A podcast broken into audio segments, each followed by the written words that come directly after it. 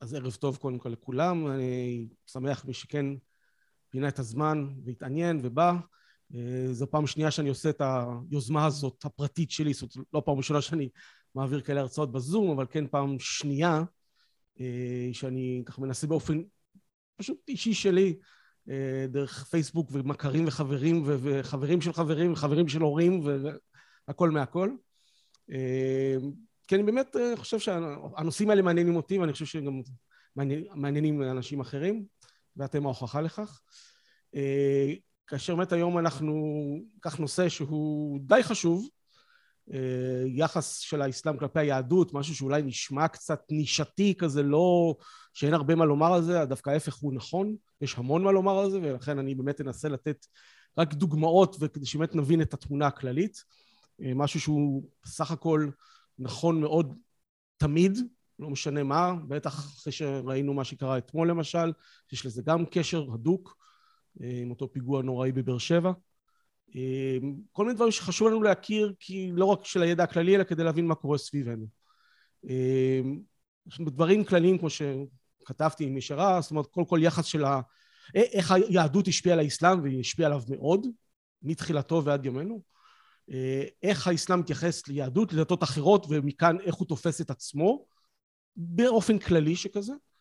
ושאלה שמאוד מעניינת אותנו, ויש לה כמה וכמה תשובות מעניינות, אה, באיזה סיטואציה כן האסלאם באשר הוא, אם זה מדינה מוסלמית או ארגון מוסלמי, לא משנה, אה, יכול לתת שלום לכופרים, כן, אם זה יהודים, נוצרים או כל בני דת אחרת. אה, אלה מה שנקרא עיקרי הדברים. קודם כל, הדבר הכי חשוב שאני צריך לציין, כדי שיהיה ברור, יש נטייה לאנשים, לא רק פה, בעולם בכלל, שחושבים שאסלאם, התרגום של זה, המשמעות של המילה הזאת, זה שלום. כי סלאם, שלום, אסלאם, סלאם, זה נשמע מאוד דומה. אז ממש לא, אוקיי? קודם כל שיהיה ברור מההתחלה. אה, הפירוש של המילה אסלאם זה לא שלום, אלא זה יותר מה שנקרא כניעה או התמסרות, אה, באנגלית מתורגם submission, כלומר כאשר המוסלם הוא בן אדם שמוסר את עצמו לחלוטין לידי אללה, לידי האלוהים האחד והיחיד. אוקיי? זה בעצם המהות של המילה הזאת, אסלאם. אה, פשוט אוהבים אנשים שלא מבינים, או לא מבינים ערבית, להגיד, אה, אסלאם זה דת של שלום, כי אסלאם זה כמו סלאם. אז לא. זה אומנם אותו שורש, אבל המשמעות היא אחרת לחלוטין.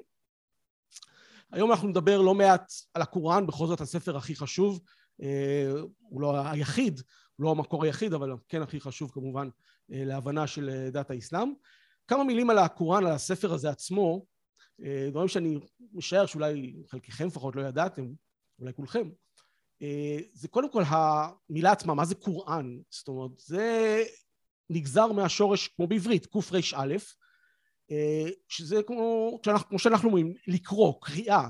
עכשיו, במשנה, במדרש, בתנ"ך, המשמעות של הפועל הזה, לקרוא, זה לא לפתוח ספר ולהבין מה כתוב שם. זה נקרא לעיין. לקרוא זה לומר משהו בקול גדול, בקול רם, אוקיי? כמו שחלה בהלכה החובה, או נקרא לזה, אה, שקריאת שמע ישראל צריך לקרוא בקול רם, כן? זאת אומרת, אדם שאומר שמע ישראל צריך לא לומר את זה בלב, אלא בקול, כדי ש... כי אחרת אם הוא לא שמע בעצמו הוא לא יצא ידי חובה, אוקיי? אז גם האסלאם בעצם המשמעות שלו, של המילה, של, סליחה, המשמעות של המילה קוראן זה קריאה, לקרוא או דקלום הייתי אומר, גם אפשרות. עכשיו למה זה מעניין? כי בעצם הקוראן הזה שנוסד תוך כדי חייו של מוחמד, לצורך העניין מאז שהוא היה בסביבות גיל 40, בסביבות 610, אה, ונחתם לקראת מותו בשנת 632, כלומר במהלך כ-22 שנים, וגם עוד כ-12 שנה אחרי מותו, הקוראן לא היה כתוב, לא היה ספר עדיין. הקוראן היה בעל פה. אה, הוא עבר ככה מאדם לאדם ולאחר מכן מדור לדור. אה, מכאן גם החשיבות הגדולה בעולם המוסלמי אה, זה כמה כל מוסלמי זוכר בעל פה טקסטים, זאת אומרת ממש פסוקים מהקוראן. אם תרצו יש כמו שיש לנו תחרות התנ"ך העולמית, גם יש תחרויות אסלאם שכאלה בעולם, תחרות אסלאם עולמית, או כל מדינה עושה תחרות כזו מקומית בשביל עצמה, כאשר הדגש הוא לא בהכרח כמה אתה מבין, אלא כמה אתה זוכר בעל פה את הפסוקים וגם הוגה אותם כמו שצריך. אה, זאת אומרת, הגיעה נכונה. לגבי המשמעות של כל פסוק, זה בסדר, אם אתה יודע גם טוב, אבל החשיבות נובעת מתוך זה שהקוראן לא היה כתוב, וזכרו אותו בעל פה, ואגב זה כאילו אחד הניסים שהאסלאם מפאר את הנביא מוחמד, כן, שהוא לכאורה או לא, אז אי אפשר לדעת, אבל הטענה היא שהוא היה אנאלפבית, כן, והגדולה שלו, הנס שלו, מה שעושה אותו נביא ומורם מעל עם, זו העובדה שהוא זכר את כל הקוראן בעל פה. אוקיי? ואם מוסלמי זוכר את הקוראן בעל פה, זה רמה גבוהה מאוד של אה, הצטיינות דתית וכולי. אה, עכשיו, אז, אז מתי בכל זאת כן הקוראן הוא עלה על הכתב והפך לספר? זה קרה רק בתקופה של החליף השלישי, אוסמן בן עפן, שעלה לשלטון כאמור כ-12 שנה אחרי מותו של מוחמד. עכשיו, כשהוא העלה את הרעיון הזה של בואו נכתוב את הקוראן, קודם כל הוא עשה את זה פשוט כי האנשים שזכרו אותו, קראו להם חופז, חופז זה השומרים, אבל הכוונה השומרים משננים בזיכרון. האנשים שידעו את הקוראן פשוט הלכו ומתו, או במיטה מסביבה טובה או במלחמות. והוא הבין שאם הוא עכשיו לא ממהר פה ומעלה על הכתב, כותב את הקוראן הזה, לא יישאר קוראן בכלל. ואגב, לפי המחקר ולפי היסטוריונים מוסלמים, חלקים לא מעטים מהקוראן הלכו לאיבוד, נעלמו, כי האנשים שזכרו אותם עברו לעולם שכולו טוב ולא הספיקו לכתוב את זה. אוקיי? אז הקוראן של היום הוא חסר, אה, ועם כל מיני פרקים וזה שאנחנו לעולם לא נדע מה היה כתוב שם. ואגב, הדבר הזה גם, ברגע שהוא החליט אה, לכתוב ספר, הדבר הזה עורר מחלוקת לא נורמלית באסלאם באותה תקופה. כי ברגע שאתה כותב את הקוראן, אתה בעצם יוצר אותו. כי עד עכשיו לא היה ספר, עכשיו פתאום יש ספר. ואחד מהדברים, כאילו, שנתנו את ההילה, את הפאר, הדבר הכל כך מיוחד של הקוראן, זה דווקא כי הוא לא היה כתוב. וברגע שכתבו זה כאילו אתה הבן אדם יוצר משהו בעצמך. כי עד עכשיו הקוראן היה דברי אלוהים חיים. ועכשיו הוא פתאום מילים שכתבו אנשים. אוקיי? אז זה עניין שגם צריך להכיר ואנחנו גם אני אתייחס על עוד נקודה מעניינת בהקשר הזה אה, תנסו להיזכר. אה, עוד כמה מילים או הסבר נוסף קצר מהיר על הקוראן מבחינת המבנה שלו.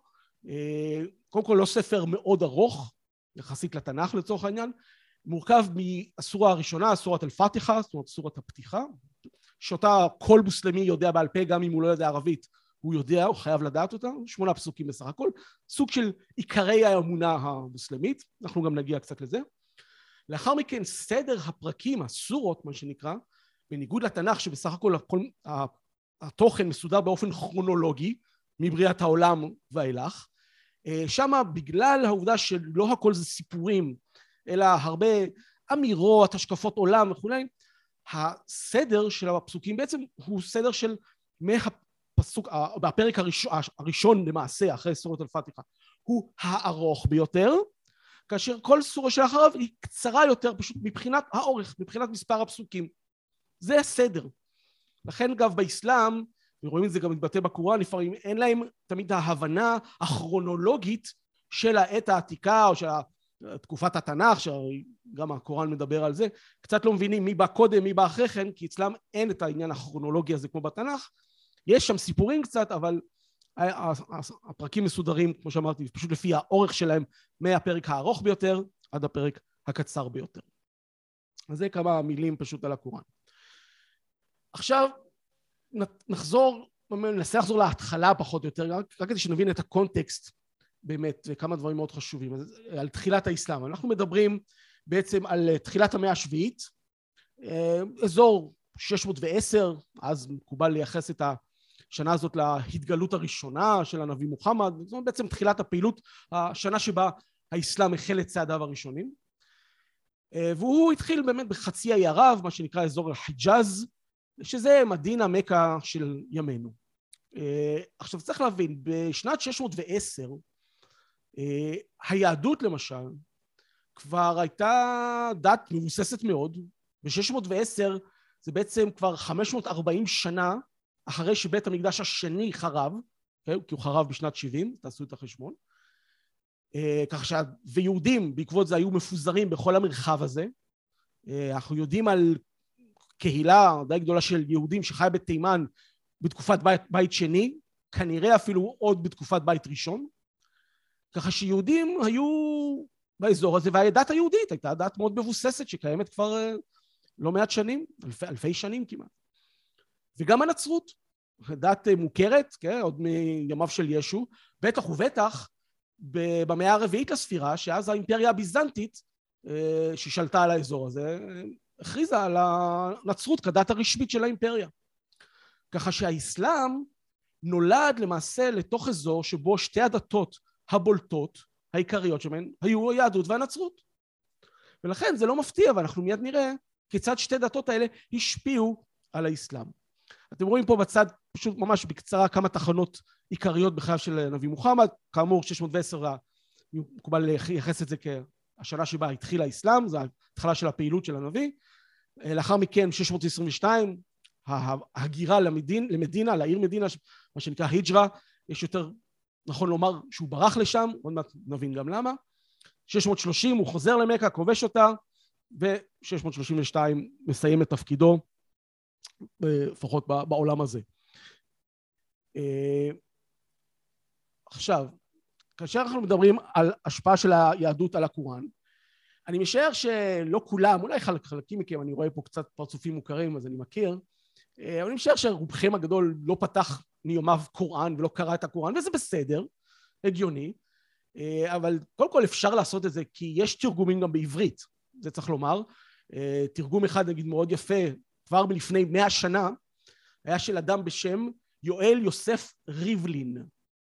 יואל יוסף ריבלין, כן, אבא של נשיא המדינה לשעבר, רובי ריבלין, הוא תרגם את הקוראן לפני כבר מאה שנה, לעברית מאוד יפה כזו, מעוקצת, תנכית כזאת, סגנון כזה שכיום אף אחד לא מבין. כי מי מבין את התנ"ך? אז לאחריו, בשנות ה-80, היה בן אדם נוסף, בן שמש, שהוא גם תרגם את הקוראן, ובינתיים בשנות האלפיים תרגם אותו שוב פרופסור אורי רובין, זיכרונו לברכה. אה, תרגום הרבה יותר, אה, עם שפה קצת יותר עדכנית, יותר פשוטה להבנה, ובעיקר אה, הסיבה שהתרגום שלו הוא בסך הכל התרגום המועדף, זה גם כי הוא מכניס כמעט על כל פסוק הערות שוליים, כל מיני הסברים נוספים, כי אתם יודעים, התרגום עצמו לא תמיד ברור מה המשמעות, אז הוא נותן לך הסבר נוסף לגבי המון המון פסוקים, אה, כדי שתבין מה הכוונה. לכן התרגום הזה, שהוא עם תוספת של הסברים, הוא באמת אה, תרגום יותר טוב, שמאפשר את ההבנה יותר טובה של הכתוב. עכשיו, כאשר אנחנו פותחים קוראן, זה יכול להיות מרתק, אי פעם תעשו את זה, לפתוח קוראן, גם עם תרגום לעברית כמובן, אין בעיה, ולידו תנ"ך פתוח. ואז לבחון את ההקבלות, את הדמיון בין שני הספרים. והיום אני אתן לכם הערב כמה דוגמאות קלילות, ויש המון, אוקיי? למשל, הנה, יש פה גם את הערבית למי שרוצה, אבל אני אקרא את העברית. זה מתוך סורה 2, אמרנו, הוי אדם, שכון אתה ואשתך בגן העדן, ואכלו שניכם מפיריו בשפע מכל אשר תרצו, אך אל לכם לקרב, לקרב אל, אל העץ הזה, פן תהיו בבני העוולה.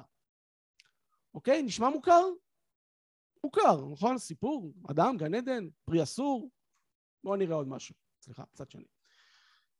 עוד, זה מסורת עכביש זה נקרא. שלחנו את נוח אל בני עמו, והוא חי ביניהם אלף שנים, חסר חמישים שנה, כלומר 950 שנה, והנה פקד אותם המבול בעודם בני עוולה, מלינו אותו ואת נושאי הספינה ועשינו אותה אות לעולמי עד. מוכר הסיפור הזה? גם מוכר, נכון? נוח, מבול? עוד דוגמה. יוסף אמר לאביו, אבא, ראיתי אחד עשר כוכבים ואת השמש ואת הירח, רהיטים והנה הם משתחווים לי. אמר בני, אל תספר את חלומך לאחיך, פן יחדשו עליך רעה. הן השטן, אויב מושבע הוא לאדם. זה הכל מהקוראן, אוקיי? אם תרצו אגב, סיפור יוסף ואחיו, אחד לאחד מופיע בקוראן בסורה שנקראת סורת יוסף, יוסף, אה, ממש עד הרגע שהוא מגיע למצרים, כולל. ממש כמעט פסוק לפסוק, אותו הסיפור בדיוק, בקוראן. ולא רק אנחנו, כלומר לא רק היהדות השפיעה, בואו תראו דוגמה לנצרות, אמרו מאמינים אנו באלוהים ואשר הורד אלינו ממרומים, וכל אשר הורד ממרומים אל אברהם, וישמעאל, ויצחק, ויעקב, והשבטים, ובאשר ניתן למשה וליש, ולישו, ובאשר ניתן לנביאים מעם רימונם, לא נפלה איש מהם ומתמסרים אנו לו. אוקיי? כמה דוגמאות שמראות לנו, אנחנו, עכשיו שאנחנו נחשפנו קצת, קצת, לדברים שנמצאים בקוראן, ברור שזה דברים שנלקחו מהתנ"ך, מהתורה במיוחד, וגם קצת מהנצרות, ישו פה מופיע אפילו. מה, מה הקטע? אה, אז כאמור אמרתי מקודם בהקדמה שהאסלאם לא נולד בריק, לא בוואקום, אלא היו פה יד, דתות העיקריות, יהדות ונצרות, היו דתות דומיננטיות מוכרות באזור הזה.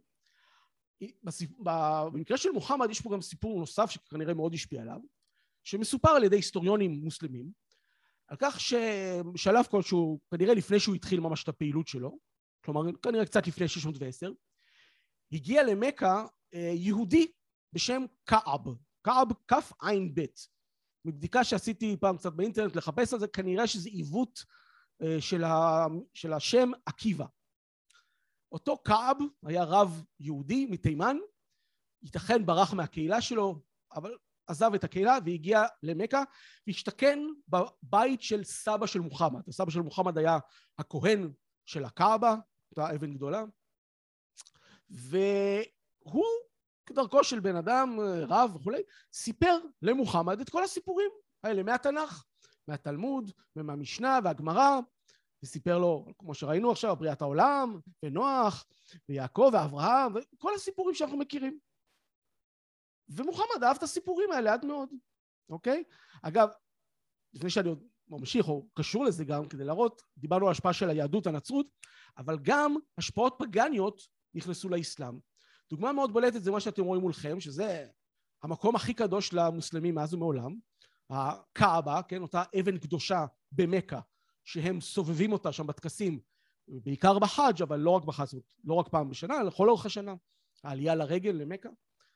הטקס הזה והאבן הזאת מקורה בכלל בהש... במסורת שהיא טרום אסלאמית, שהיא אלילית של אלילים, מה הסיפור? אה,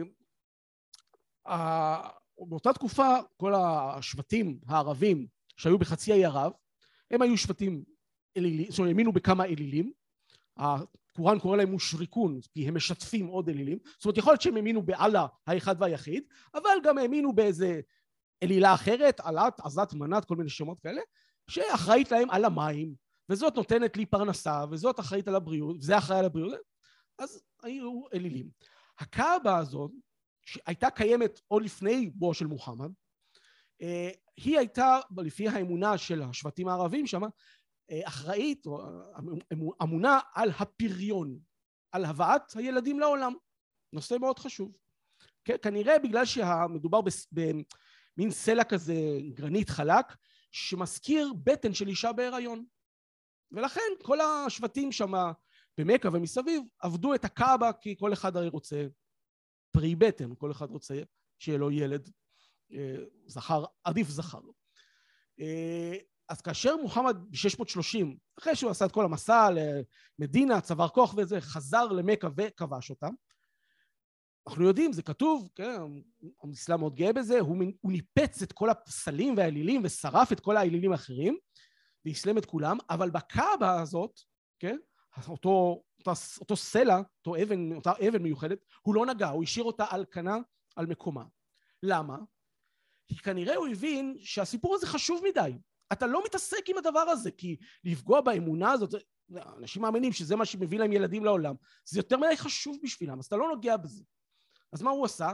הוא אסלם את הקאבה ואמר לכולם, זה עד היום האמונה המוסלמית, שהקאבה היא מתנה שאללה הביא לאברהם אבינו, גם אביהם, אחרי שהוא כמעט שחט, כן, העלה לקורבן את בנו ישמעאל, אוקיי? שזה אגב, כמו שאתם רואים, אסלום של סיפור עקידת יצחק. אוקיי? אז הוא אסלם את הקאבה, נתן לה איזה גושפנקה מוסלמית שכזו, ועכשיו כולם ממשיכים בטקסים וסובבים אותה, למרות שזה, המקור של זה כאמור הוא לחלוטין פגאני טרום אסלאמי. אוקיי? עכשיו, כאשר מוחמד אה, הנביא במכה, בעקבות אותה כל הסיפורים, אה, בעיקר מהיהדות אבל גם מהנצרות, שהוא שמע מאותו כעב, אותו אה, רב יהודי שהיה אצלו בבית, והוא מאוד אהב את הסיפורים האלה, והוא סיפר אותם לתושבי מכה. והם פשוט צחקו עליו. כי כאמור, הדת, היה, הדת היהודית הייתה בסך הכל מוכרת, גם אנשים שהם לא היו יהודים, שמעו את הסיפורים האלה. והם בעצם האשימו אותו, בני מכה, את מוחמד, שכל מה שהוא מביא להם, האסלאם הזה, הדת החדשה הזאת, היא לא יותר מאשר, בערבית קוראים לזה أساطير الأولين. פירוש, הסיפורים של הראשונים. أساطير זה ריבוי של המילה أسطورة, שזה ממש כמו באנגלית, story, story, أسطورة, זה בעצם, בעצם כנראה מהלטינית, עוד לקוח. أول, אתם יודעים ראשון, أولين זה ראשונים, כלומר, הם בעצם אמרו לו, מה שאתה מביא לנו, הדת החדשה הזאת, האסלאם, עם כל הסיפורים האלה, אנחנו מכירים את הסיפורים האלה. אתה רק מעתיק מהיהדות והנצרות ומנסה לשווק לנו את זה, כאילו זה משהו חדש שלך. איזה משהו חדש? אתה עושה פייסט, כן? לדתות הקודמות. ומנסה למכור לנו את זה כאילו זה, זה דת חדשה ומבקש מאיתנו להצטרף. צחקו עליו, לגלגו עליו. עכשיו, איך אנחנו יודעים את הדברים האלה? כי פשוט זה כתוב בקוראן 11 פעמים. אתן לכם דוגמאות, שתי דוגמאות, ויש, שוב, יש 11 בסך הכל. למשל, בקוראן כתוב, כאשר יבואו להתנצח עמך, עמך יגידו הכופרים, כופרים כמובן, במקרה הזה זה תושבי מכה, אין הוא, הוא, מה שכאילו הקוראן הזה, או האסלאם, אין הוא אלא סיפורי מעשיות של הראשונים, הסאטיר אל אוולין. או, עוד דוגמה, בהישאלם, כן, מהו הדבר אשר הוריד ריבונכם עם רובים? שאלם, שוב, כשתושבי מכה היו שואלים את מוחמד, מה זה הדבר הזה? שמוחמד טען שאללה הוריד לו את הפסוקים האלה, כן, את כל הסיפורים האלה מהשמיים, הם יגידו מה סיפורי מעשיות של הראשונים, אוקיי? וזה משהו שעד היום האסלאם לא מסוגל להשתחרר ממנו, וכל הזמן מנסה להוכיח קודם כל לעצמו, אבל הסובבים אותו, שלא, שהאסלאם הוא לא לקוח מהיהדות והנצרות, למרות שברור לנו שכן, אבל איך הם מתרצים את זה? הם בעצם אומרים, לא, תראו, המקור הוא אלוהי, והיהודים והנוצרים, מה שיש להם בכתבים שלהם, הם סילפו את המקור האלוהי, זייפו וסילפו, הכתבים שלהם לא נכונים, לנו יש את המקור שאללה בעצמו נתן למוחמד דרך המלאך גבריאל, ולכן אם יש דמיון, היהודים והנוצרים לקחו מאיתנו, אוקיי? זה ה-reverse engineering מה שנקרא. כלומר, ולכן אברהם היה מוסלמי, ויצחק ומוסא, כן, משה היה מוסלמי, וגם דוד ושלמה, ושלמה בנה מסגד בירושלים. לפי השקפת עולם המוסלמית הזאת. למרות שכולם יודעים שהאסלאם הגיע רק ב-610, אחרי שהדת היהודית כבר מבוססת לחלוטין, הנצרות כבר קיימת, לא משנה. ככה הם רואים את זה. אוקיי? וזה מאוד חשוב כי זה קיים עד היום. עכשיו נתייחס לשאלה שהיא כמובן, היא הרצאה בפני עצמה, אם לא קורס בפני עצמו, וגם אין לה תשובה אחת, אבל אני אנסה לתת לכם את העיקרים באמת, כי זו שאלה שבאמת מעניינת את העולם בכלל כבר המון שנים. האם האסלאם הוא יותר דת של סובלנות, של שלום, כמו שאמרנו, או יותר של כפייה, של מלחמה, של אלימות? עכשיו כמובן יש תשובות מפה לפה ולפה, ואני כבר אומר שזה מזכיר במידה מסוימת תראו, גם בתנ"ך אתם יכולים למצוא דברים יפהפיים, אנושיים של חמלה, של אכפתיות וסובלנות כלפי האחר, ואתם יכולים למצוא לא מעט סיפורי זוועות שלא מתאימים למודרנה או לחיים שלנו, בטח במאה ה-21 ואפילו לפני. אוקיי, אז העיקרון הזה צריך תמיד לזכור אותו, שכל אחד יכול למצוא בספר שלו, לצורך העניין, גם בתנ"ך אבל גם בקוראן, ברית החדשה אני מודה שאני פחות מכיר מה הולך שם, אבל אתה יכול למצוא, אם אתה בן אדם שמאמין יותר בסובלנות, אתה תמצא פסוקים שמתאימים לסובלנות. אם אתה יותר מאמין שאתה, הדת שלך היא המורמת מעל כולם, חשובה יותר וכולי, אתה תמצא את הפסוקים גם שמאשרים את הדבר הזה, ובואו נתחיל עם החיובי דווקא.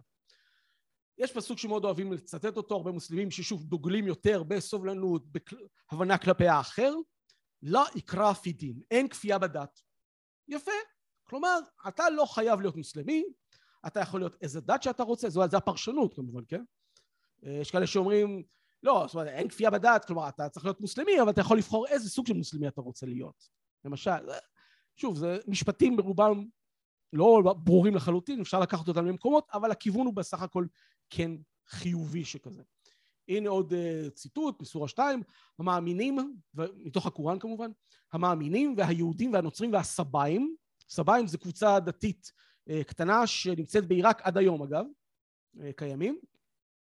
כל המאמין באלוהים וביום הדין ועושה את הטוב, שכרם שמור להם אצל ריבונם, ולא יפחדו ולא יצטערו.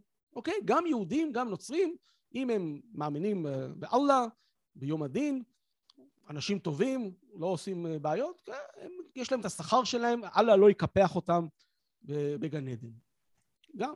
עוד אחד, זה אוהבים מאוד לצטט, אה, אם ייטו לשלום, נתן לו גם אתה, ויסמך על אלוהים, כי הוא שומע ויודע.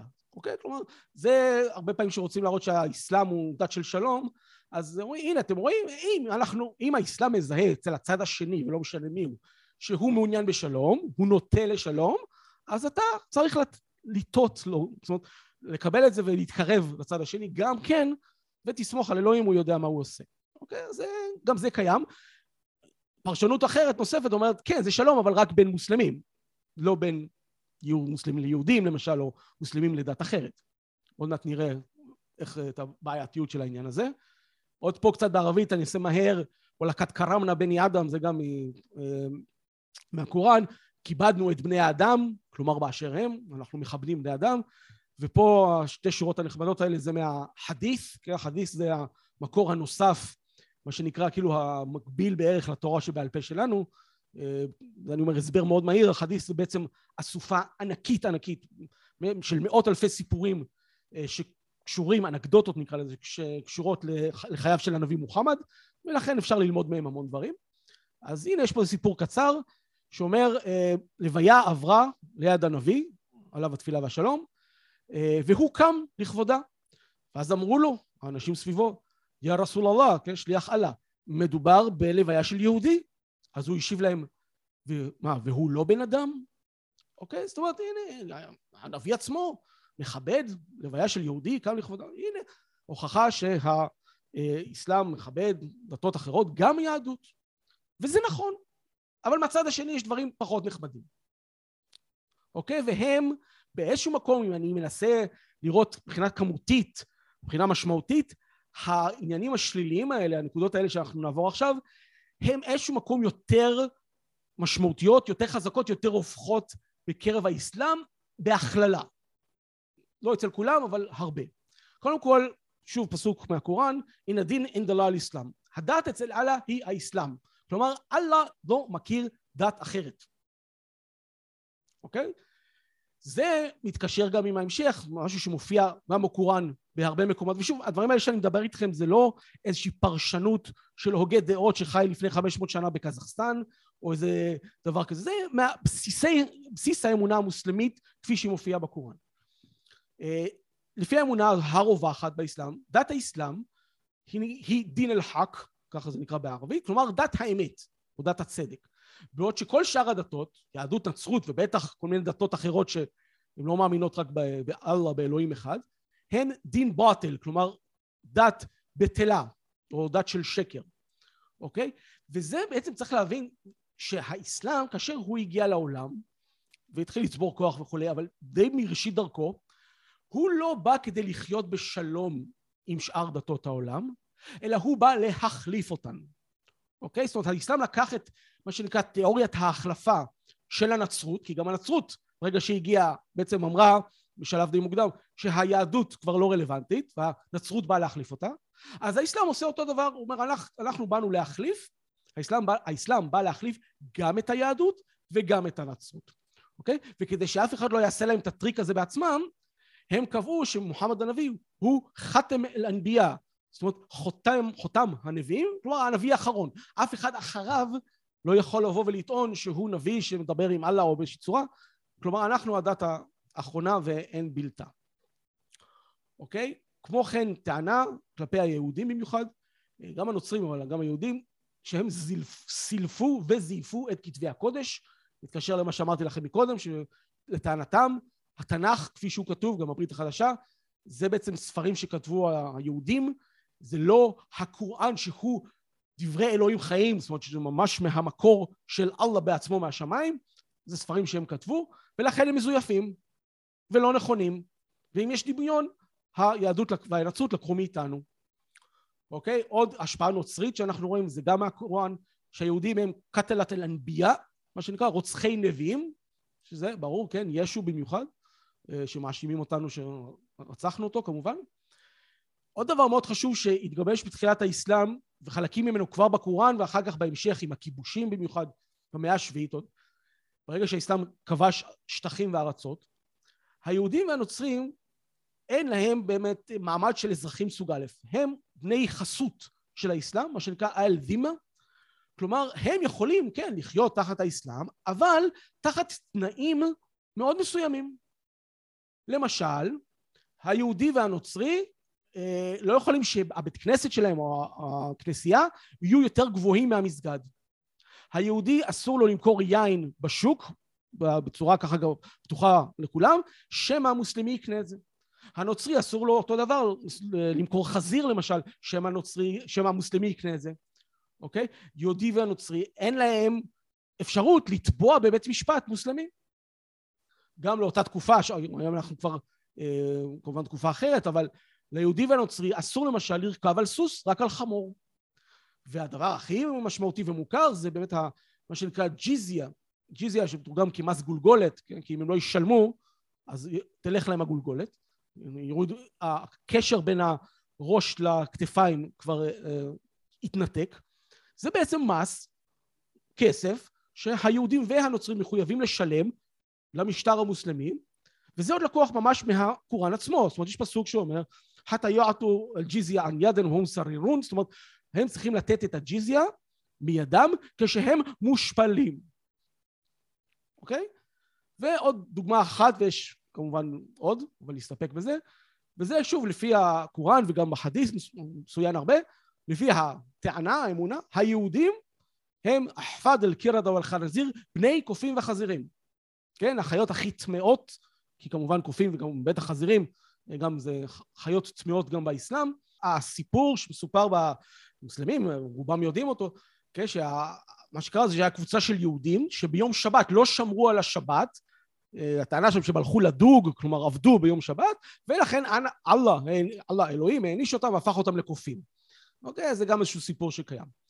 אה, עכשיו, היחס הזה של האסלאם כלפי היהודים והנוצרים מופיע אפילו, לפחות לפי הפרשנות המקובלת, בסורת אל-פתיחה, אותה סורה הראשונה, שהיא בעצם הבסיס, מציגה את בסיס האמונה המוסלמית, אה, לפחות לפי הפרשנות, אוקיי? כי בפסוק, בפסוקים האחרונים, שאומר, אה, כאילו הפנייה לאללה, הנחה אותנו בדרך הנכונה, בדרך שבה אתה הנעמת את דרכך עלינו, אה, עליהם, כלומר על המוסלמים, רר אל מרדוב עליהם, לא כולל את אלה שאללה כועס עליהם, מרדוב עליהם, ווואלה אל דרלין. מה הכוונה על מרדוב עליהם? זאת אומרת, אלה שחרון אפו של אללה רובץ עליהם קבוע. כאשר הפרשנות המקובלת, היהודים.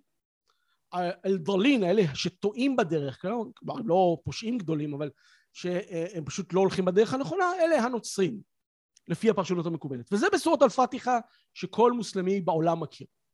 אוקיי? וזו הפרשנות המקובלת. אה, לא נעים. עוד משהו מעניין, וזה אני מחזיר אתכם קצת למה שהסברתי בהתחלה, קצת ההסבר הקצר שנתתי על הקוראן, שלא היה כתוב במשך המון זמן, כאשר מדברים עלינו ועל הנוצרים גם כעם הספר, כנראה שבאותה תקופה, זאת אומרת תקופה של הנביא מוחמד וגם אחרי, אה, זה לא הייתה מחמאה. זה היה סוג של קללה אפילו, זה היה משהו שלילי. למה?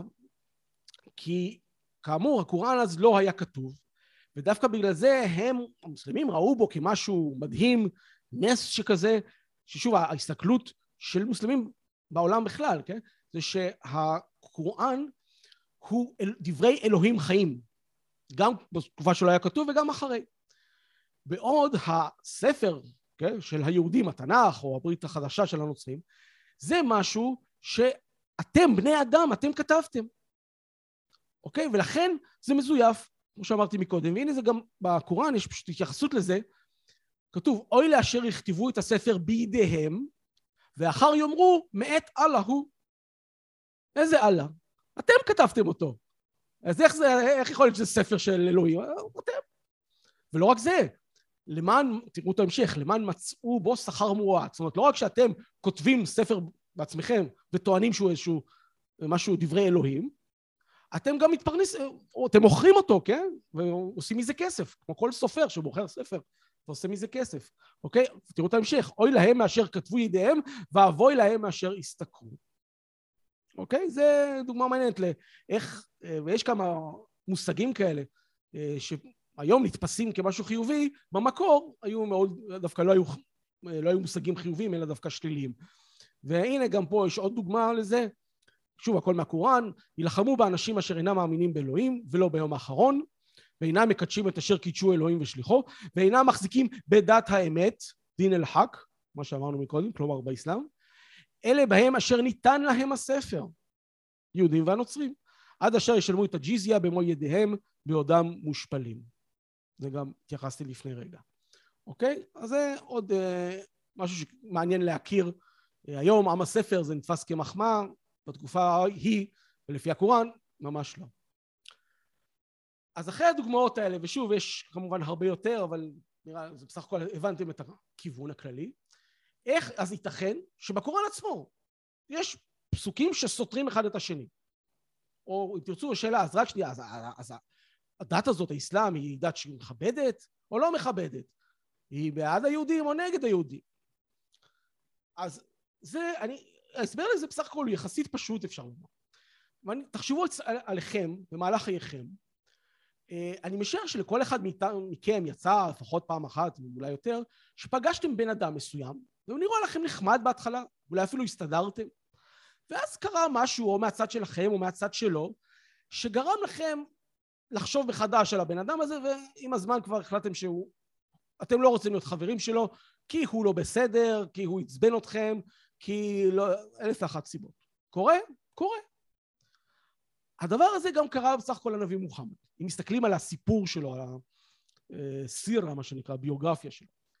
כאשר בתחילת דרכו כנביא האסלאם, לפי הגדרה, כן? כלומר, לצורך העניין מ-610, כאשר הוא פגש את אותו כעב, אותו יהודי, והכיר את כל הסיפורים האלה שלקוחים בעיקר מהיהדות וכולי, הוא מאוד אהב את הסיפורים האלה, הוא אהב את כעב, היה בסך הכל אותו כעב היה המנטור שלו בסך הכל. והיה לו כבוד ליהודים ולסיפור היהודי וכולי, ולכן ה... צריך לזכור, הקוראן לא ירד, או לא נכתב, או לא, לא נכתב כמובן, אבל לא נוצר ביום אחד. הוא נוצר לאורך תקופה של כ-22 שנים אפשר לומר, זאת אומרת לצורך העניין מסביבות 610 עד כמעט מותו של מוחמד ב-632. אז בתקופה הראשונה של מוחמד במכה גישתו כלפי היהודים הייתה בסך הכל חיובית. הוא אהב את הסיפורים מהתנ"ך, ראה ביהודים אה, דת, או ביהדות דת מכובדת, כי בכל זאת אה, מאמינה באל אחד, כן, מאמינה ביום הדין, יש, יש קווים משותפים עם, ה, עם האסלאם כמו שהוא, הוא אהב את הדברים האלה, ולכן גם הוא הכניס אותם לאסלאם, לדת שלו, הוא ממש לקח אותם מהיהדות. איפה בא השינוי עם הזמן? ברגע שהוא עבר אה, למדינה. ואגב, הסיבה שהוא עבר, כמו שאמרתי מקודם, הוא יותר ברח, כי בכל התקופה הראשונה שלו במכה, במשך 12 שנים, שבהם הוא ניסה לאסלם את בני מכה, שכאמור צחקו עליו ולא קיבלו את זה, באיזשהו שלב גם זה עצבן אותם כבר, הם פשוט ניסו להרוג אותו. כי בא הבן אדם הזה, א', נסה לעבוד עליהם כל מיני סיפורים, למכור להם אותם, okay? כאילו זה סיפורים חדשים. הוא גם ניסה לשנות את אורחות חייהם, את הנורמות החברתיות שהיו להם שם. אגב, שינוי בסך הכל לטובה, אבל אתם יודעים, בא בן אדם, אומר לכם, תחשבו, סתם בן אדם, שבא בן אדם ואומר, אתם לא בסדר, אתם לא בסדר, תעשו ככה, תעשו ככה. מי אתה? מי אתה שתגיד לנו? ובגלל שהוא לא ויתר, זה עצבן אותם, ובסופו של דבר גם ניסו להרוג אותו, ולכן הוא ברח למדינה. אותה היג'רה, הגירה יותר היא בריחה. בכל מקרה, במדינה, שם שהוא פגש את היהודים, שהוא ניסה גם להתחבב עליהם, אבל הם גם, כמו בני מכה, לא רצו להתאסלם, בעצם אמרו לו, מה, הסיפורים האלה שאתה מביא לנו, זה הסיפורים שלנו, אנחנו המקור, למה שנהפוך להיות מוסלמים? אם אתה רוצה, אתה תתגייר, תצטרף אלינו. למה שאנחנו, אנחנו המקור, למה שנעבור לדת שלך? ולכן זה עצבן אותו, והגישה שלו כלפי יהודים, כנראה בתקופה הזו שהוא חי במדינה, השתנתה. והם כבר, הוא לא ברא בהם כל כך אנשים טובים, אלא יותר כי הם לא רצו להצטרף אליו, ולכן גם בסופו של דבר הוא הרג אותם, היו שלושה שבטים יהודים באותה תקופה באזור של מדינה, לפחות לפי המקורות המוסלמים, הם היו יהודים, אה, ומוחמד אכן שחט את כולם שם. אז היה פה שינוי של הגישה של מוחמד, וזה מתקשר למה שאתם רואים פה על המסך, מה שנקרא בעברית אסבאב אל נוזול, כלומר נסיבות ההורדה של הפסוק. על כל פסוק בקוראן יש פרשנויות ותילי תילים של פרשנויות לגבי מתי הפסוק הזה ירד מאללה לכאורה מהשמיים למוחמד. זה היה לפני קרב כזה, אחרי הקרב ההוא, בגלל שמה שאמר לו זה, בגלל מה שאמרו ליהודים. אוקיי? זאת אומרת, יש חשיבות מתי המשפט הזה נגלה אליו לכאורה. כן? לא, אני לא אומר נכתב כי עוד לא נכתב בתקופה הזאת, אבל יש פסוקים נחמדים כלפי היהודים, כי זה היה בתקופה כשהוא היה במכה, שהוא היה לו כבוד והערכה כלפי היהודים. ויש פסוקים לא נחמדים, כמו שראינו כלפי היהודים, שהם כנראה, שוב, הגיעו, לא נכתבו, אבל הוא העלה, חשב עליהם והעביר את זה הלאה, בתקופה שהיה במדינה אחרי שהוא, היהודים הפנו לו את העורף.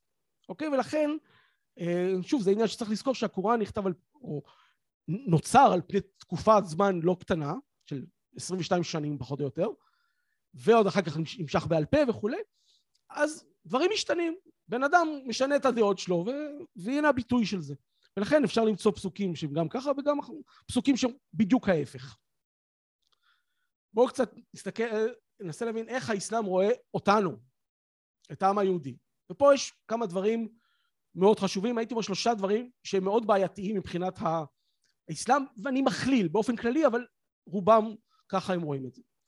קודם כל, הם לא יכולים לקבל אותנו, או לקבל את מדינת ישראל, בגלל שהיא, בהגדרה גם שלנו, כן? מדינה יהודית, או מדינה של היהודים. איך יכול להיות שמקימים מדינה שמבוססת על דת שהיא דין בוטל, כן? דת בטלה שלא קיימת יותר, זאת אומרת, לא רלוונטית יותר. אם היהדות היא לא רלוונטית, אז למה להקים מדינה יהודית? זה סותר, אוקיי? אז, אז לא צריכה להיות מדינה יהודית בכלל. הדבר הנוסף הוא שהם לא מסוגלים אה, לקבל את זה שאנחנו עם. אוקיי? הם רואים בנו טוואיף מוסאוויה, כלומר קהילות של דת משה, שהגיעו מכל אומה ולשון. פה אגב הם עושים השלכה של המצב שלהם עלינו. למה? כי הם אומרים, כמו שאין דבר כזה עם מוסלמי, גם אין עם נוצרי, אז למה שיהיה עם יהודי? ויותר מזה, זאת אומרת, יש אולי, אולי אומה מוסלמית, כן? אבל אין עם מוסלמי. מוסלמים יש ערבים, יש כורדים, יש פרסים, יש טורקים, יש הרבה קבוצות שונות. זה לא עושה אותם לעם, רק בגלל שיש להם דת משותפת. אז הם עושים, משליכים את אותו היגיון עלינו. עכשיו, גם הם אומרים, וזה אולי אפשר להבין את ההיגיון הזה, כן? הם אומרים, הרי אתם היהודים, יש יהודי שהגיע מעיראק, שהוא אוכל במיה ומדבר ערבית, הוא דיבר ערבית לפחות, כן, כשהוא היה בעיראק, מה הקשר בינו לבין יהודי שהגיע מהונגריה, שמדבר הונגרית ואוכל גולש? מה, הרי שני היהודים, זה יהודי וזה יהודי, אבל ההוא אוכל אוכל אחר, הוא נראה אחרת, הם מדברים שפות אחרות, מקשיבים למוזיקה אחרת, הכל אחר. אז איך זה עם? זאת אומרת, בראייה שלהם, היהודי שבא מעיראק הוא עיראקי ובן דת משה. עיראקי יהודי, כמו שהשכן שלו הוא עיראקי מוסלמי, או עיראקי נוצרי, או עיראקי אה, יזידי, וכל הדתות שיש שם בעיראק, אוקיי? היהודי האמריקאי הוא אמריקאי. מבחינה אתנית, כאילו, כן? כי אין באמת עם אמריקאי במקור, זה למעט האינדיאנים. אבל לא משנה. הוא אמריקאי יהודי, כמו השכן שלו אמריקאי שיכול להיות נוצרי או מוסלמי או כל דבר אחר. ולכן העם הזה, היהודי, זה עם סינתטי, מלאכותי, זה, זה סתם, הם אומרים, זה, זה הזיה של אחד בשם הרצל, שהזה איזה משהו, וגם אומרים באותה תקופה שלא, לא רבים הלכו בעקבותיו, והוא יצר איזשהו כאילו עם מלאכותי כזה סינתטי, אז אין באמת עם יהודי, זה קהילות שונות ומשונות שאין להם שום דבר במשותף למעט הדת, והדת זה לא מספיק, אוקיי? והדבר השלישי זה הארץ עצמה, השטח, פלסטין, שהיא אדמת ווקף ששייכת לאסלאם מאז שהיא נכבשה במאה השביעית, ספציפית בשנת 634. לא, סליחה, 636, חמש, ארבע, חמש כזה. אה, ואז החליף השני, עומר, הקדיש אותה למוסלמים באשר הם. עכשיו פה צריך משהו מעניין שגם רלוונטי אלינו, רלוונטי אלינו אבל לא רק. באסלאם כל שטח ארץ כן, שאי פעם היה תחת כנפי האסלאם בשלב כלשהו בהיסטוריה צריך להיות מוסלמי. אם הוא לא עכשיו אז הוא צריך לחזור לאסלאם ולכן המון מוסלמים עד היום אומרים למשל שספרד היא לא צריכה להפוך להיות מוסלמית היא צריכה לחזור להיות מוסלמית אוקיי? ספרד וגם uh, סיציליה והמון אזורים בבלקן כל הדרך באירופה עד לשערי וינה, אוסטריה, וינה, אוסטריה, ששם הצליחו לעצור את, הטורק, את האימפריה העות'מאנית, כן, את הטורקים, בשנת 1683. ואגב, אם מישהו רוצה את התאריך המדויק, זה קרה ב-11 בספטמבר 1683. לכן 11 בספטמבר 2001 נבחר למה שהיה אותם פיגועים נוראים, אוקיי? תאריכים יש להם משמעות. אז לכן לא, בגלל שלוש סיבות האלה, האסלאם בכללי לא יכול לקבל אותנו פה בשום צורה. א', כי הדת היא כבר לא דת, היא דת בטלה, היא דת לא רלוונטית יותר, אז למה להקים מדינה, מדינה למה להקים מדינה יהודית הכוונה? היהודים הם לא עם, באמת, והארץ שייכת לאסלאם, אדמת וואקף, וככה היא צריכה אה, לחזור. גם אם מדינת ישראל תהיה בגודל של מטר על מטר בתל אביב. זה לא משנה. אחרי כל הדברים האלה, איך בכל זאת נחתמו הסכמי שלום? יש לנו שלום עם כמה מדינות, בזמן האחרון אפילו כמה וכמה מדינות שהן ערביות מוסלמיות, אז איך בכל זאת קרה כל הדבר הזה? אז יש כמה הסברים לזה, מה... מעבר לעניינים האסטרטגיים וכולי. אני מדבר כרגע מהפריזמה המוסלמית, מההסתכלות המוסלמית. יש משפט מאוד יפה, שהוא דתי מוסלמי, שאומר אל דורורת תוביח אל מחזורת. תרגום הדברים ההכרחיים מתירים את הדברים האסורים. אם תרצו זה פחות או יותר המקבילה המוסלמית למה שאנחנו מכירים ביהדות פיקוח נפש דוחה שבת. אוקיי? כאשר יש משהו שהוא חייבים לעשות אותו כי הוא מציל את החיים גם אם לכאורה אתה צריך לעשות משהו תמורת זה, משהו שהוא אסור, אז מותר לעשות את זה. כן? Okay? ביהדות, ביום כיפור, אם אישה יולד, צריכה ללדת, לא רק זכותך, חובתך, לקחת אותה באוטו שלך, או לפחות להזמין אמבולנס, ביום כיפור, היום הכי קדוש בשנה, כי זה פיקוח נפש. אתה רוצה שאשתך תלד בבית החולים, בבטחה, ושלא יקרה כלום, לא לה ולא לתינוק, אוקיי? גם באסלאם יש את העניין הזה. אם תרצו לצורך העניין כשמסתכלים במיוחד על ההסכם שמלפני שנה וחצי כבר, הסכמי אברהם מה שנקרא, בין ישראל לאיחוד אמירויות ובחריין, גם שם יש, זה חלק מהעניין, לא הכל, אבל חלק, זה הסיפור הזה. מה זה הדברים ההכרחיים? הדבר ההכרחי הוא הגנה מפני איראן, כי איראן, יותר משהיא סכנה, סכנה לישראל, היא איום קיומי על מדינות המפרץ, אוקיי?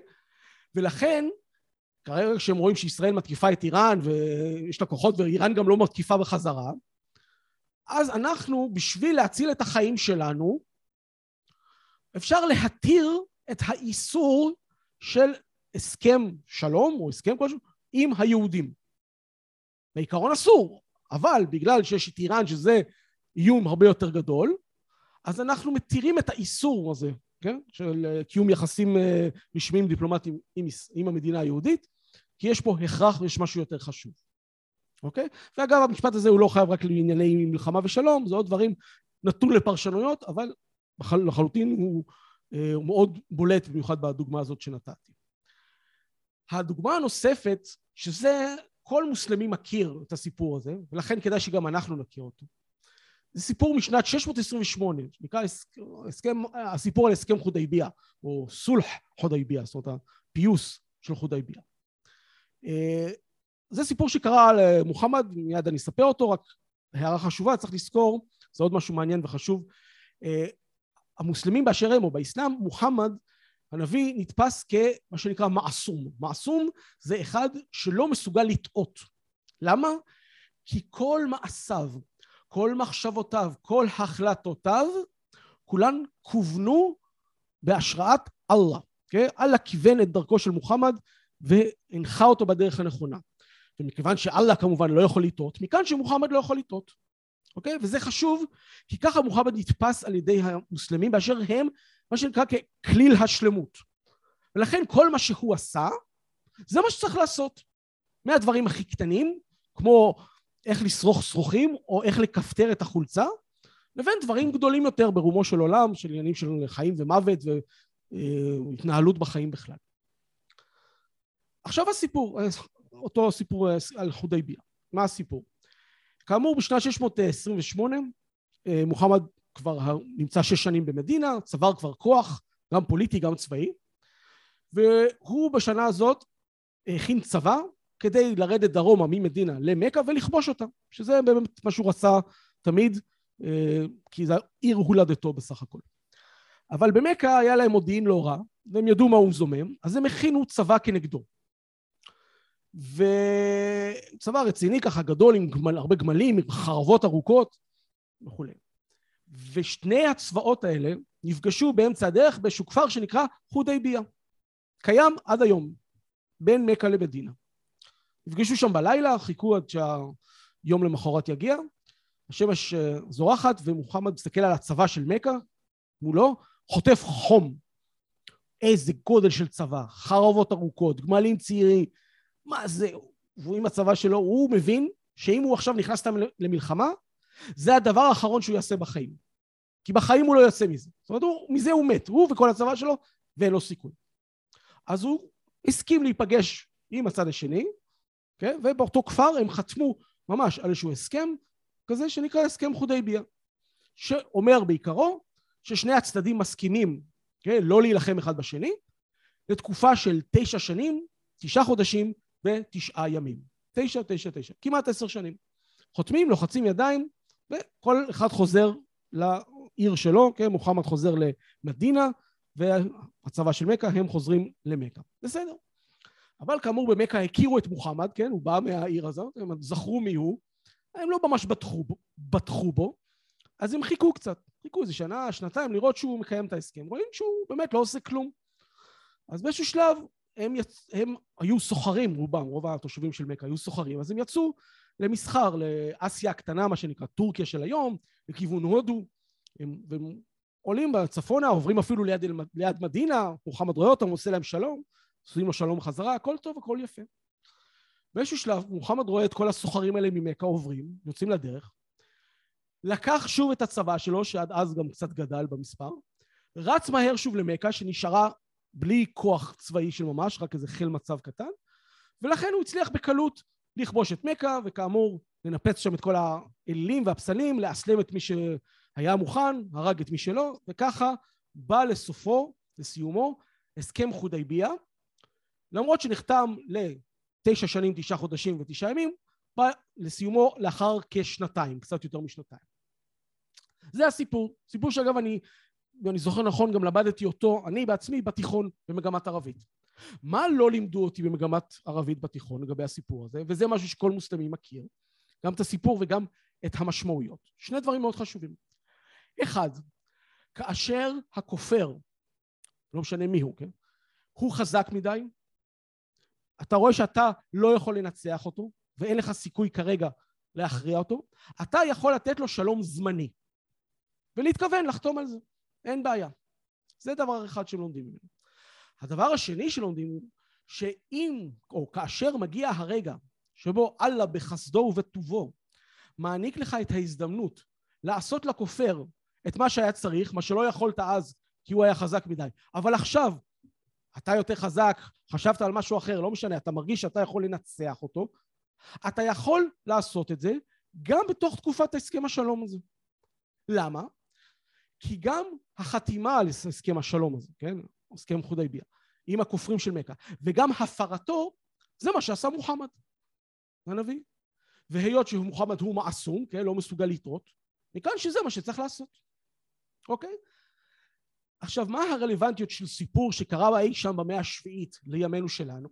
אז הנה אתן לכם שתי דוגמאות בולטות. בשנת 1954, זה מכירים אפילו אנשים מבוגרים ממני יותר טוב, אה, מי שגם חי בתקופה, עלה לשלטון במצרים אחד בשם גמל עבד אל נאסר. לא ציוני גדול, כן? הוא רצה לפחות ברטוריקה שלו, להשמיד את מדינת ישראל, וזה לא היה סוד.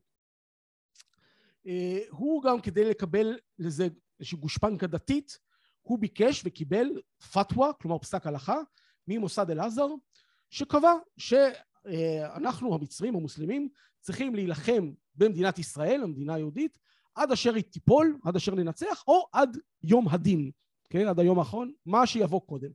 בסדר. אז הוא ניסה כמובן ולא הצליח וכולי, והוא אה, עבר לעולם שכולו טוב ב-1970, החליף אותו הנשיא סאדאת. סאדאת, אה, אחרי מלחמת יום כיפור, כמה שנים אחרי, בגלל בעיות כלכליות, משבר כלכלי חמור, החליט לעשות שלום איתנו, לא בגלל שום דבר אחר. כל מי שאומר לכם שהכבוד המצרי חזר ולכן הם הסכימו לעשות איתנו שלום, לא נכון. אוקיי? הוא רצה, מצרים באותה תקופה הייתה במשבר כלכלי נוראי, לא ניכנס לכל הסיבות כרגע, והוא היה אה, ממש פשוט, המדינה הייתה על, פשיטת, על סף פשיטת רגל, וסאדאת היה חייב הלוואות והמון השקעות מאירופה במיוחד, אבל האירופאים אמרו לו, תשמע, מוכנים, אבל אתה כל כמה שנים פה, המדינה שלך במלחמה עם ישראל, ואם אנחנו נשקיע את הכסף שלנו, כל ההשקעות ילכו לטמיון, ירדו לטמיון. אז הם הכריחו אותו לעשות שלום עם ישראל. אז הוא ב-77 כבר התחיל עם היוזמה שלו, כן, היה פה בנובמבר 77, הביקור המפורסם שלו בישראל ובכנסת. אה, ואז כשהוא חזר הביתה, כשראו במצרים שהוא כבר ממש רציני, ביקר בישראל, אה, יצאו נגדו כל מיני גורמים מוסלמים, אחים מוסלמים ואחרים, ואמרו לו, מה, מה, מה אתה עושה? יש פתווה, פסק הלכה, עוד מהתקופה של עבד אל-נאסר, שמורה לנו לא רק שאסור לעשות שלום עם היהודים, אנחנו צריכים להילחם בהם. איך אתה הולך עכשיו, מדבר איתם, רוצה לעשות שלום? אז הוא אמר, אתם יודעים מה? בסדר, יש בזה משהו. אז הוא פנה למוסד אל-עזר, אותו מוסד דתי רשמי במצרים, ואמר להם, תראו מה אפשר לעשות. תבחנו את העניין הזה. עכשיו, הם הבינו שהוא כבר רציני, הוא היה כבר בישראל, הם הבינו שזה הכיוון, ואת המשכורת שלהם הם מקבלים ממנו, אז הם הבינו מה נדרש מהם לעשות עכשיו. אז הם כתבו לו פסק הלכה חדש, שפורסם בעיתונים של מצרים, ולכן יודעים על זה, ששם בכללי הם אומרים, כמו שנביאנו מוחמד, עליו התפילה והשלום, נתן אה, הסכם, כן, או הגיע להסכם אה, זמני עם, בחודייביה, כן, ואמרו במפורש חודייביה, עם תושבי, אה, הכופרים של מכה בשנת 628, ככה אתה נשיא מצרים יכול לתת שלום לציונים, אוקיי? כלומר, בראייה המצרית הדתית לפחות, השלום בינינו לבין מצרים נתפס כשל... כהסכם זמני שקיים כל עוד מצרים תחשוב שאין לה את האפשרות לחסל את מדינת ישראל. עכשיו, האם מובארק חשב ככה? אני לא יודע. האם סיסי כיום חושב ככה? אני לא יודע. אבל אני בטוח, בטח במקרה של סיסי, אני מאמין שגם אצל מובארק, הם מכירים את הסיפור הזה. כמה משקל הם נותנים לו, זה עניין אחר, אבל בהסתכלות הדתית המצרית, ומצרים חברה מאוד דתית, ככה הם רואים את הסכם השלום עם ישראל. הסכם זמני, שאם יבוא היום ואנחנו נרגיש חזקים מספיק, ונוכל להכריע את הציונים, נעשה את זה, גם אם יש הסכם שלום. הפעם השנייה שהסכם חודייביה הגיע לאזור שלנו, היה עם ערפאת. Okay, אוקיי? בספטמבר 93, הסכמי אוסלו, בבית הלבן, לאחר מכן הקמה של הרשות, ביולי 94, ולאחר מכן, בסביבות אה, ספטמבר, אוקטובר, ערפאת נסע ברחבי העולם לאסוף תרומות וסיוע בכלל מכל מיני קהילות פלסטיניות ואחרות. וזה משהו שהיה ידוע כי זה הסיפור הבא, כי זה גם היה בטלוויזיה באיזשהו שלב. הוא היה ביוהנסבורג, דרום אפריקה. אוקיי, להסביר על כל ההסכם הזה שהוא הגיע עם הציונים, עם היהודים, הסכם אוסלו וכולי. בסיום דבריו עמד אחד הנוכחים שם, במסגד זה היה, ואמר לו, תגיד, איך אתה העזת ללחוץ את היד של רבין, שקרא אז באינתיפאדה הראשונה לשבור את העצמות, אם אתם זוכרים, נגד הפלסטינים? איך העזת, הוא אומר, לתת שלום ליהודים? אמר לו ערפאת, ענה לו, אמר לו, תגיד, ומה עשה נביאנו עליו השלום בחודייביה? הבן אדם שמע חודייביה, התיישב. כי הוא הבין שכל הסיפור הזה, ההסכם הזה בין ישראל לפלסטינים, לרשות הפלסטינית, הוא יארך ויישאר רק כל עוד הרשות הפלסטינית תחשוב שאין לה סיכוי להכריע את ישראל. אוקיי? ואיפה בא השינוי? כולנו ראינו אותו. נוראי, כן, בספטמבר 2000. סליחה, כן, ספטמבר 2000, עם פרוץ האינתיפאדה השנייה שהייתה נוראית ונמשכה כמה שנים עם אלפי הרוגים בצד שלנו, עוד יותר בצד שלהם. מה גרם לערפאת להחליט בספטמבר או קצת לפני ספטמבר 2000 לצאת באינתיפאדה כזאת? הערכות מדברות, ולי זה נשמע הגיוני אבל אין לי דרך להוכיח את זה, שהוא ראה בנסיגה שלנו, של ישראל, מדרום לבנון במאי 2000, כמה חודשים לפני כן, ביטוי לחולשה של ישראל, שהיא לא מסוגלת לעמוד במספר כזה מסוים של הרוגים שהיו לנו חיילים כן, בדרום לבנון כל שנה ולכן הוא, בזה שאנחנו נסוגנו, ברחנו ככה מדרום לבנון, הוא האמין שאם הוא יצליח לגרום לאותו מספר הרוגים, או יותר אפילו, בישראל, הוא יצליח לגרום לנו גם לסגת מעזה, מיהודה ושומרון, ואולי בהמשך מכל מדינת ישראל, אוקיי? זה הייתה ההסתכלות שלו, ולכן הוא התחיל עם האינתיפאדה השנייה שהייתה כל כך ברוטלית וקשה, עם כל כך הרבה פיגועים קשים. גם אם זה, באח... אם חמאס עשו, זה היה בהכוונה שלו. אוקיי? אז ככה מסתכלים על זה. איפה הסכם חודייביה, למשל בשלום שעשינו עכשיו, הנורמליזציה, שזה עוד יותר, כן? עם איחוד האמירויות, חיפשתי, חיפשתי, לא ממש מצאתי.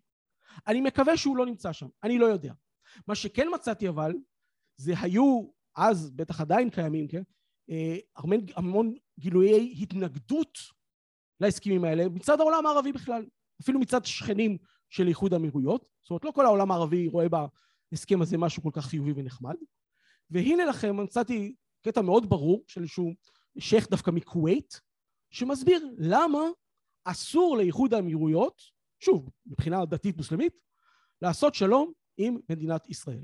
أجمع علماء الإسلام الثقات على أن للصلح مع اليهود أحكاما وشروط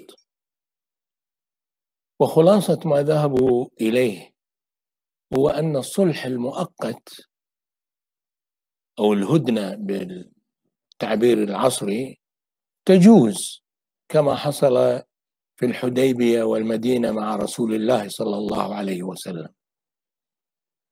إذا تبين أن المسلمين غير قادرين على المواجهة لأي ظرف كان تجوز الهدنة المؤقتة.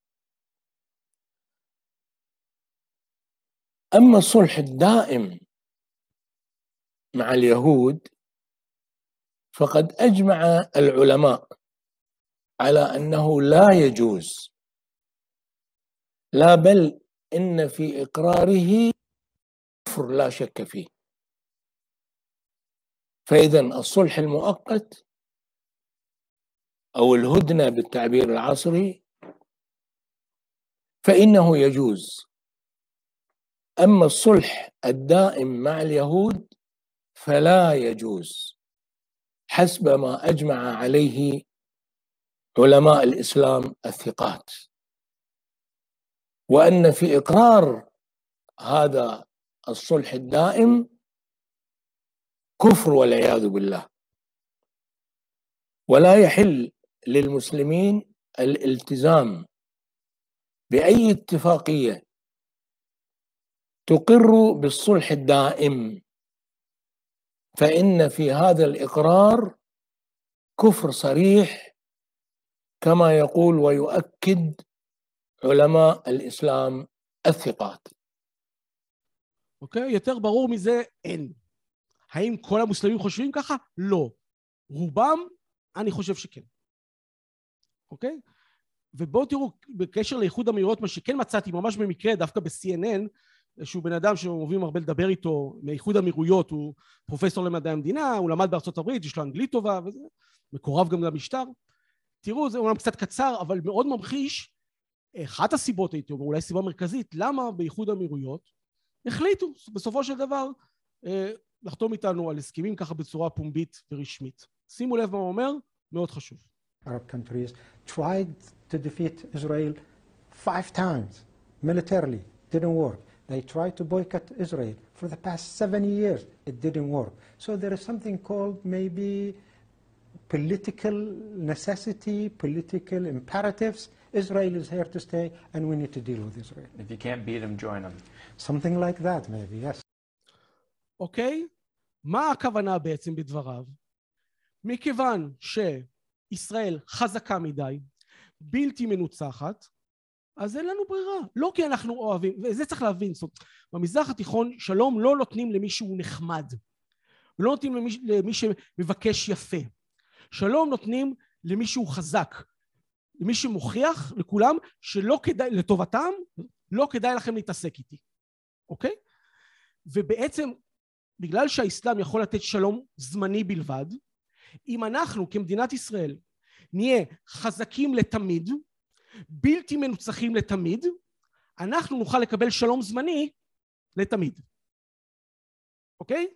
כי אין שלום קבע במזרח התיכון. לא איתנו ולא בינם לבין עצמם. שלום זה אגב לא משהו שקיים בלקסיקון הערבי. שמעתם פעם על הסכם שלום בין שתי מדינות ערביות? אני לא שמעתי, אוקיי? לכן גם כל הגישה הישראלית בחלקה, כן? שנובעת מערכים מאוד יפים, אבל לא תואמים את המזרח התיכון, לצורך העניין ארגונים כמו שלום עכשיו, שלא מבינים שברגע שאתה אומר אני רוצה שלום ועוד שלום עכשיו, אתה מרחיק את השלום. כי בצד השני מסתכלים עליך כמי שעכשיו, תחשבו למשל על כמו שאתם אה, מזמינים משהו מהאינטרנט, מאמזון, כן? או מאלי אקספרס או דברים כאלה. ויש, אם אתה רוצה משלוח רגיל, אז תשלם משהו. אתה רוצה משלוח יותר מהר, תשלם יותר. אתה רוצה משלוח אקספרס, תשלם עוד יותר. ברגע שאנחנו אומרים שאנחנו רוצים שלום, ועוד שלום עכשיו, הם רואים את זה בצד השני, רואים שאנחנו לחוצים על זה, אז הם מעלים את המחיר. הדרך להשיג שלום, אם כבר, זה לבוא אליהם ולומר, אנחנו לא רוצים שלום. לא צריכים אתכם. אנחנו מדינה חזקה, מסתדרת יופי, מעצמה, נמצאים ב-OECD, יש לנו את הרפואה המתקדמת בעולם, טכנולוגיה, מה, למה, מי רוצה לעשות איתכם שלום בכלל? מה, לא, לא מה אנחנו נותנים לכם תמורת שלום, מה אתם נותנים לנו תמורת שלום. ככה צריך לדבר. ולא מבינים את זה בישראל, כי לא מבינים את הראש. וזה, אם אתם רוצים סיכום של כל מה שאמרתי עד עכשיו, אם תצאו עם משהו אחד מכל הדבר הזה, וזה אני עושה את זה בהרבה פעמים שיוצא לי להסביר הרצאות כאלה או אחרות, אף פעם אל תניחו, ואני מדבר עכשיו בהיבט הכי רחב, אף פעם אל תניחו שהצד השני, ולא משנה כרגע אם זה ערבי, או יכול להיות יפני, או הודי, או אפילו בתוך מדינת ישראל, לא, הצד השני לא בהכרח תמיד חושב כמוכם, וסולם העדיפויות שלו בהכרח אותו דבר, והשקפת העולם שלו לא תמיד זהה לשלכם. ויכול להיות שאנחנו באים עם ערכים מאוד יפים, הם לא תמיד הערכים של הצד השני. וצריך להכיר איך הצד השני חושב, מה המניעים שלו, כדי להשיג את מה שאנחנו רוצים. וכדי לשרוד בשכונה הזאת, שהיא קשה, היא אלימה לצערנו הרב, אני לא אומר שאנחנו צריכים להיות מטורפים כמוהם, אבל פה מי שחזק שורד, ומי שחזק מכבדים אותו, אוקיי? וזו הסיבה, הרבה פעמים שהרבה מדינות ערביות או ארגונים, לא כולם, אבל חלקם, הצטרפו לישראל, או לאיזשהו שלום עם ישראל, לא כי אוהבים אותנו, לא כי הם הפכו לציונים, לא כי הם גילו את היהדות מחדש, אלא כי הם רואים שישראל בלתי מנוצחת. והאסלאם מתיר שלום זמני. ואם אנחנו נהיה בלתי מנוצחים לתמיד, השלום הזמני יהיה שלום לתמיד. אז ערב טוב קודם כל לכולם.